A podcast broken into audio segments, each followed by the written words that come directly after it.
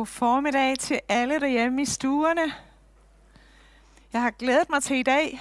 Jeg vil ønske, at jeg kunne se jer alle sammen face to face. Øh, det er dejligt, at du, lige præcis du, er med i formiddag. Overskriften i dag, den er, Jesus er verdens lys.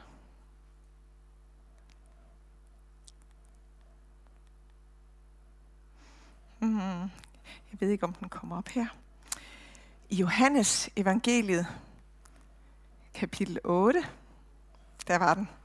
Jeg er verdens lys. Jesus er verdens lys. Og Jesus han vil komme og lyse og komme med lys midt i mørket. I Johannes evangeliet, der står der sådan her i kapitel 8 og vers 12. Jesus fortsatte med at tale til folkeskaren. Jeg er verdens lys. Den, der følger mig, kommer ikke til at vandre i mørket, men får livets lys. Og det er overskriften for i dag. Og øh, vi skal dykke ned i en beretning, hvor, som foregik under løvhyttefesten i Israel i Jerusalem. Løvhyttefesten er i dag, og var dengang jødernes vigtigste, en af jødernes vigtigste højtider. Løvhyttefesten var en uge og afholdes i september eller oktober. På Jesu tid valgfartede jøder fra hele Israel og fra den daværende romerske verden til Jerusalem for at være med til at fejre løvhyttefesten. I Johannes evangeliet kapitel både 7, 8, 9 og cirka halvdelen af kapitel 10 der kan vi læse om hændelser i forbindelse med, at Jesus han fejrede løvhyttefesten i Jerusalem. Vi læser her om, at Jesus han brugte løvhyttefestens temaer til at fortælle om, hvem han er. Løvhyttefesten det er en historisk fest for at mindes, at Gud frelste israelitterne og førte dem ud af Ægypten, ud af slaveriet, og for at mindes deres ørkenvandring, hvor Gud sørgede for dem. I den uge lever og spiser man i primitive hytter, som bliver bygget nær familiens hjem, eller på tempelpladsen i Jerusalem. Og tempelpladsen er således fyldt med hytter, palmegrene og mange mennesker, der er gang i den med musik og glæde og fest og sang.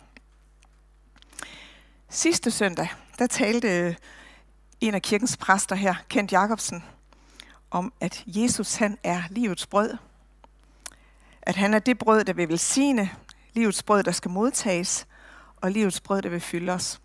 Og han refererede til, der hvor Jesus udførte et gigantisk mirakel, da han forvandlede fem bygbrød og to fisk til brød og fisk nok til ca. 12.000 mennesker. Øhm, mange af dem, der havde overværet det her mirakel, de var altså ved Genesarets sø, det var der, det foregik. De var formentlig rejst videre til løvhyttefesten i Jerusalem. Og de var spændte på, hvad der skulle ske. I Johannes evangelie kapitel 7, så står der, at Jesus han var byens store samtaleemne. Vi snakker altså om, at der er rigtig mange mennesker sammen. Og han var byens store samtaleemne. Hvor er han? Har du set Jesus fra Nazareth? Og så dukkede Jesus endelig op. Jesus kom midt under løvhyttefesten, og han gik op på tempelpladsen for at undervise. Hver dag under løvhyttefesten gik præsterne fra templet ned til Siloadammen og hentede vand og førte det i en procession op på tempelpladsen, mens folk klappede og musikanterne truttede i trompeterne. Der gik præsterne op til templet med vandet. Der hældte de vandet ud over alderet som et offer for at huske på det vand, som Gud lod strømme ud over klippen i ørkenen da israelitterne var på ørkenvandring, da de lige havde forladt Ægypten. Moses han slog på klippen med sin stav, og så kom der vand. Og på den måde så mindedes de også, hvordan Gud sørgede for, at de fik vand at drikke. Og så er det her, at Jesus, han på den sidste og største højtidsdag under løvhyttefesten, der trådte han frem og råbte, og jeg kan godt forstå, at han råbte, for der var nok rimelig meget larm, for der var mange mennesker. De, der tørster, kan komme til mig for at få noget at drikke. Skriften siger, at vand skal strømme frem over det tørre land. Sådan bliver det for dem, der kommer til tro på mig. Jesus siger altså, at hvis nogen vil have det vand, der giver liv, må de komme til ham. Jesus identificerer sig her med Gud, som er skaberen af alt liv. Ham, som kan gøre alt nyt og skabe liv der, hvor der intet liv er. Med udtalelsen på løvhyttefesten sidste dag, der siger Jesus, at det er muligt for dem, der har vendt Gud ryggen, dem, der har en åndelig tørst, at de kan komme tilbage til den kilde, de har forladt, for han er lige nu midt i blandt dem. Der var diskussioner, der var delte meninger om, hvem Jesus han var. Nogen forlangte ham endda arresteret, men det skete ikke. Det endte med, at folk gik hver til sit, men Jesus han gik ud til oliebjerget. Øhm, og Jesus han er så på vej op til oliebjerget her. Det forestiller jeg mig. Han, går, han gik jo ud til oliebjerget. Og øhm, det her det er så sidste aften under løvhyttefesten. Under løvhyttefesten, der blev der hver aften og nat tændt fire kæmpestore olielamper på tempelpladsen. Værerne, de var lavet af præsternes gamle præstekjoler, og olielamperne skulle sikkert minde folket om, at Gud gik med folket i ørkenen i en ildsøjle. Og det var formentlig det her syn, Jesus han så, når han kiggede ud over Jerusalem op fra oliebjerget. Jesus kunne høre folk feste og sang. Han sov nok ikke så meget den nat, for der står, at tidligt næste morgen vendte Jesus tilbage til tempelpladsen. Der har altså lige været fest i Jerusalem en hel uge, og der er opbrudsstemning, kunne jeg forestille mig. Folk er måske så småt ved at vågne efter al festivitassen i går aftes, og nogle er måske gået i gang med at pakke sammen. Men mens sanden midt i det her, da Jesus kommer, om der så ikke er en gruppe skriftlærere og farisæer, som kommer med en kvinde, der var grebet på færdsgærning i utroskab. Hun har måske også været med til at holde fest. De sagde, kvinden her er grebet på færdsgærning i ægteskabsbrud. Toran, altså Moselov, siger, hun skal stenes ihjel. Hvad siger du? Hvad siger du? Og Jesus han siger så, han ender med at sige, den af jer, der er uden synd, skal være den første til at kaste en sten. De endte alle med at gå deres vej. De havde alle sammen erkendelse af, at de ikke var uden synd. Jesus sagde til kvinden, var der ingen, der fordømte dig? Nej, herre, svarede hun. Det gør jeg heller ikke, sagde Jesus. Gå du blot, men synd fra nu af ikke mere. Øhm.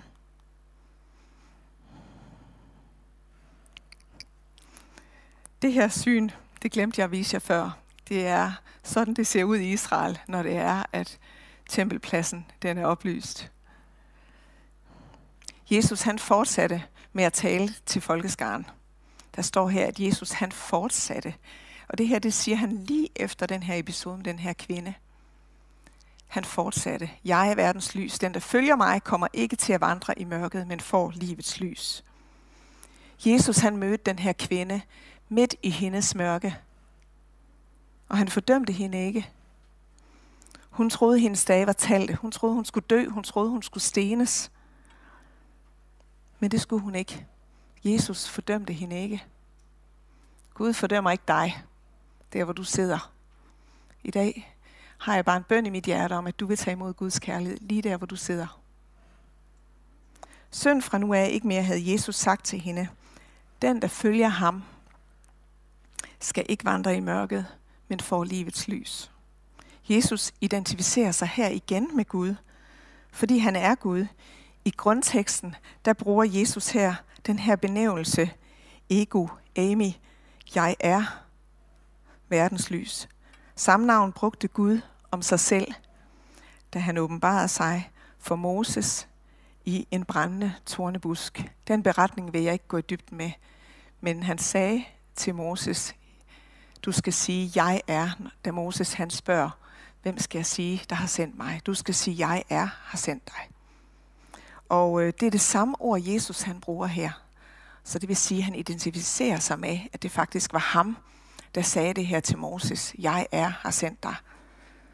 Mange mennesker de blev virkelig provokeret af det, Jesus han sagde. Naturligvis, når han siger, at han er verdens lys.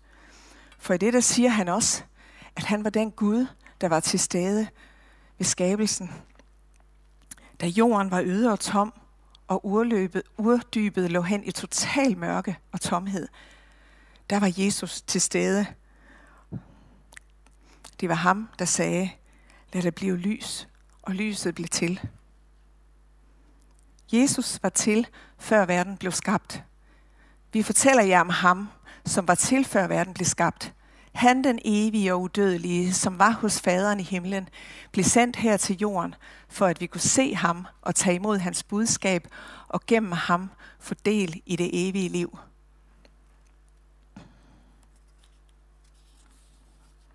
Esajas han skriver sådan her.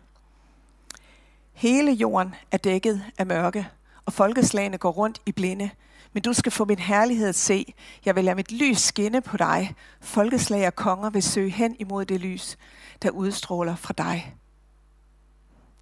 Tænk engang, at Guds lys er så stærkt, så endda konger vil søge hen imod hans lys.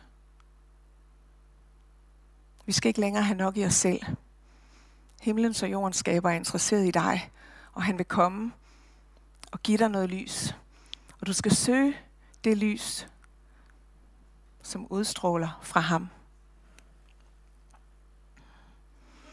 Både i ordene fra Esajas og fra Jesus beskrives israelitternes og hele verdens situation som et stort mørke. Der er ikke tale om et fysisk mørke, for solen står stadig op om morgenen og lyser hele dagen. Derimod er det tale om et åndeligt mørke, som skyldes, at mennesker lever borte fra livets og lysets ophav, Gud selv. Jesus siger, at mennesker i verden befinder sig i mørket, men han gør det også klart, at der er et sted, hvor det åndelige mørke, som dækker jorden, må vige, nemlig hos ham, som er lysets kilde. Jesus er en kilde for den, som tørster, og han er et lys for den, der går rundt i blinde. En anden ting, Jesus han sagde, udover at han sagde, at han selv var lys, så siger han faktisk sådan her, og det her det siger han jo, når han er der ved løvehyttefestens afslutning, og øhm, et år før, at han faktisk opstod fra de døde. Så siger han sådan her, mens jeg er i verden, er jeg verdens lys. Og han siger også til sin far i himlen, nu kommer jeg til dig, for jeg skal ikke være i verden længere. Og han sagde også, lyset er nu en kort tid iblandt jer, i skal vandre i lyset, mens I har lyset, for at mørket ikke skal få bugt med det. De, der vandrer i mørket, ved ikke, hvor de går hen. Se, det her det er jo interessant, fordi Jesus han er jo ikke fysisk her på jorden, men han har givet os sit lys. Han ønsker at plante sit lys ned i dit og mit hjerte. Han inviterer dig i dag til at tage imod livets lys, så du kan være lys i den verden, du er en del af. I er verdens lys, og det skal kunne ses, ligesom en by, der ligger på et bjerg, kan ses langt væk. Men tænder jo ikke en lampe for at skjule den under en spand. Nej, den skal stå højt og frit, så den kan lyse for alle i huset. På samme måde skal I lade det lys skinne. Det lys, I har fået skinne for folk, så de kan se, at det, I gør, er prisværdigt. Og så de kan give jeres far i himlen ære. Jesus har givet os en opgave. Han har givet dig en opgave. Du skal lade det lys, som du har fået, skinne. Du er kaldet til at være verdens lys. I er verdens lys, og det skal kunne ses ligesom en by, der ligger på et bjerg, kan ses langt væk. I Paulus, han siger, skriver sådan her i 2. Korintherbrev kapitel 4, vers 6. Gud, som ved skabelsen befalede, at det skulle blive lys midt i mørket, lod nemlig sit lys skinne ind i vores hjerter, så vi kunne se hans herlighed, som den er åbenbaret gennem Jesus Kristus.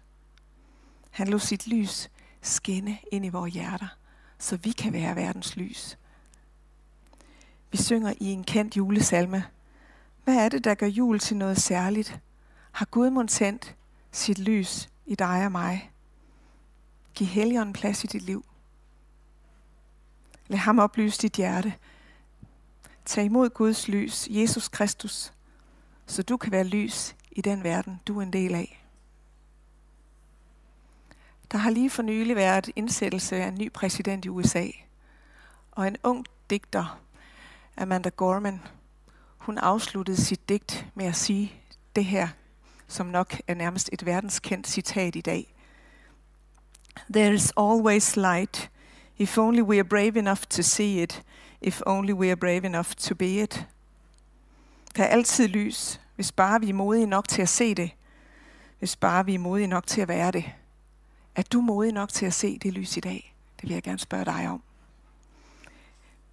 Helligånd, kom ind. Kom ind i mit hjerte. Jeg har brug for Guds lys i mig. Vi har brug for Helligånden. Drikke Helligånden. Drikke det levende vand. Få slukket din tørst hos ham. Bed Jesus om at tage bolig i dit hjerte i dag ved sin ånd. Da pinsedagen kom, da pinsedagen kom, var de alle forsamlet, og med et kom der fra himlen en lyd, som er et kraftigt vindstød. Og det satte sig på hver enkelt af dem. De blev alle fyldt af helgen, og de begyndte at tale med andre tungemål, alt efter hvad ånden indgav dem at sige. De så her tunger af ild.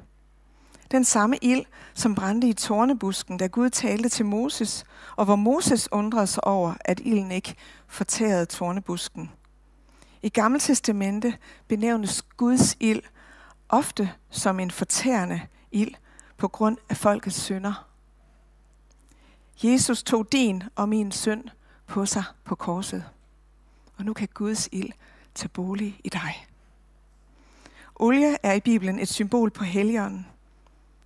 Jeg har brug for olie til min lampe. Jeg kan ikke være lys uden olie. Min lampe har brug for olie for at kunne brænde. Jesus gik op på oliebjerget. Han havde også brug for alenetid med sin far. På denne tid var alt det lys, man kunne få fra ild. Man hældte altså typisk olie på sin lampe, på en lampe og tændte den.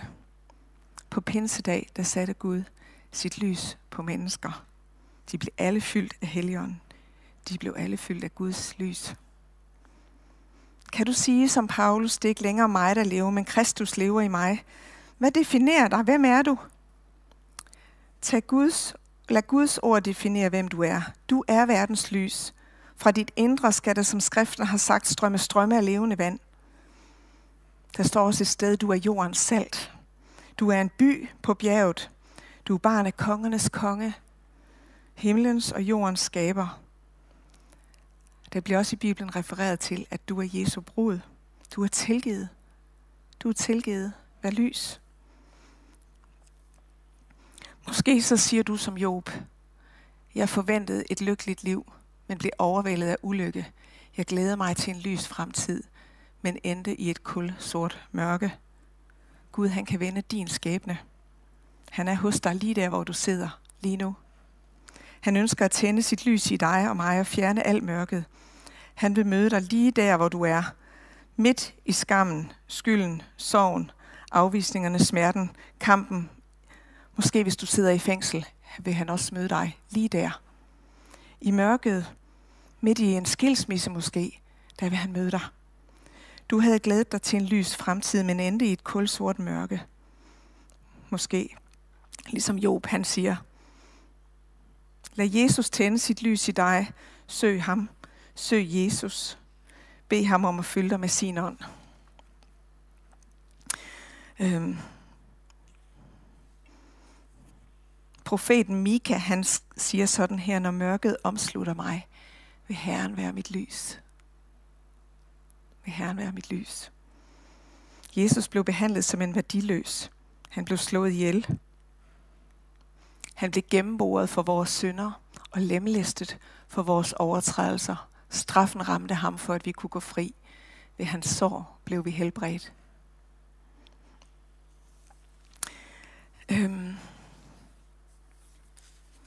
der er ikke noget, der kan give så meget mørke i vores liv, som en hårdhed over, at mennesker de har gjort os fortræd. Så noget som utilgivelighed.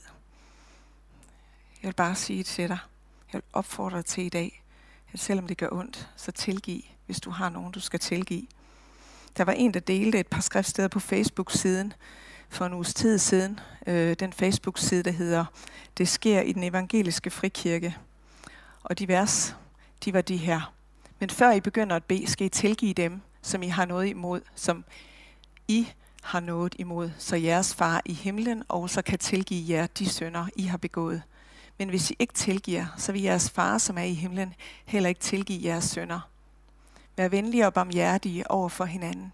Tilgiv hinanden, ligesom Gud tilgav jer på grund af Kristus. Jeg vil gerne understrege, at det at tilgive ikke betyder, at det, der skete, var rigtigt eller okay. Den danske forfatter Anne-Katrine Ribnetski, hun skriver i sin bog Tro i hverdagen om tilgivelse. Hun voksede op med en voldelig far, og han døde, mens hun var udsendt som soldat i Afghanistan. Øhm, hun var ikke ked af det, da han døde.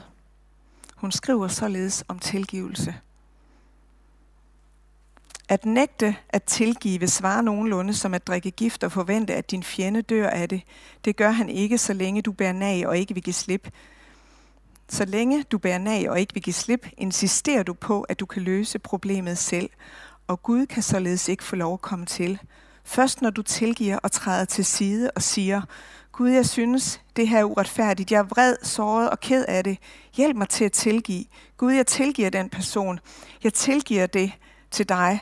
Og selv de næste dage, når tankerne vender tilbage, bruger jeg min beslutning. Jeg siger højt, at jeg tilgiver. Jeg finder andre tanker. Først der kan Gud få plads til at tage sig af det. Ja, Gud han ønsker at tage sig af det. Det budskab, som Jesus kom med, og som vi giver videre til jer, er Guds lys. Der findes slet intet mørke i ham. Hvis vi siger, at vi har fællesskab med ham, men samtidig lever i åndeligt mørke, så lyver vi og følger ikke sandheden. Men hvis vi lever i Guds lys, ligesom Jesus altid levede i lyset, så har vi fællesskab med hinanden. Og Jesu Kristi Guds søns blod renser os fra al synd. Det er et løfte til dig i dag. Jeg vil gerne give en udfordring til dig, der sidder hjemme i din stue. Jeg vil gerne opfordre dig til, der hvor du befinder dig, uanset om det er i din stue eller et andet sted, så vil jeg gerne opfordre dig til, at øh, hvis du har noget imod nogen, så tilgiv dem. Lad Gud få lov at komme ind og bringe lys over din situation og bringe lys ind i dig. Måske du skal gå i en rum og bøje dine knæ. Der hvor det kun er Gud, der ser dig, og ingen mennesker. Jesus har lovet, at han altid vil være med os, og han har givet os sin ånd, og han vil fylde os med sin hellige ånd. Fyld mig, fyld mig med din ånd. Mørket har ingen magt i mig, er der en sang, der lyder. Jeg vil gerne lige bede. Og så kommer der et telefonnummer op her på skærmen. Øhm, og så er der nogen, der gerne vil sidde klar og bede med dig i telefonen. Øhm, og du er hjertelig velkommen til at ringe på det her nummer.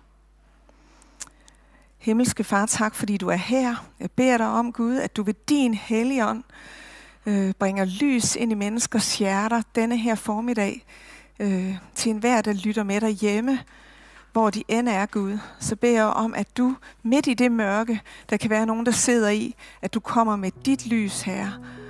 I Jesu navn. I Jesu navn. Amen.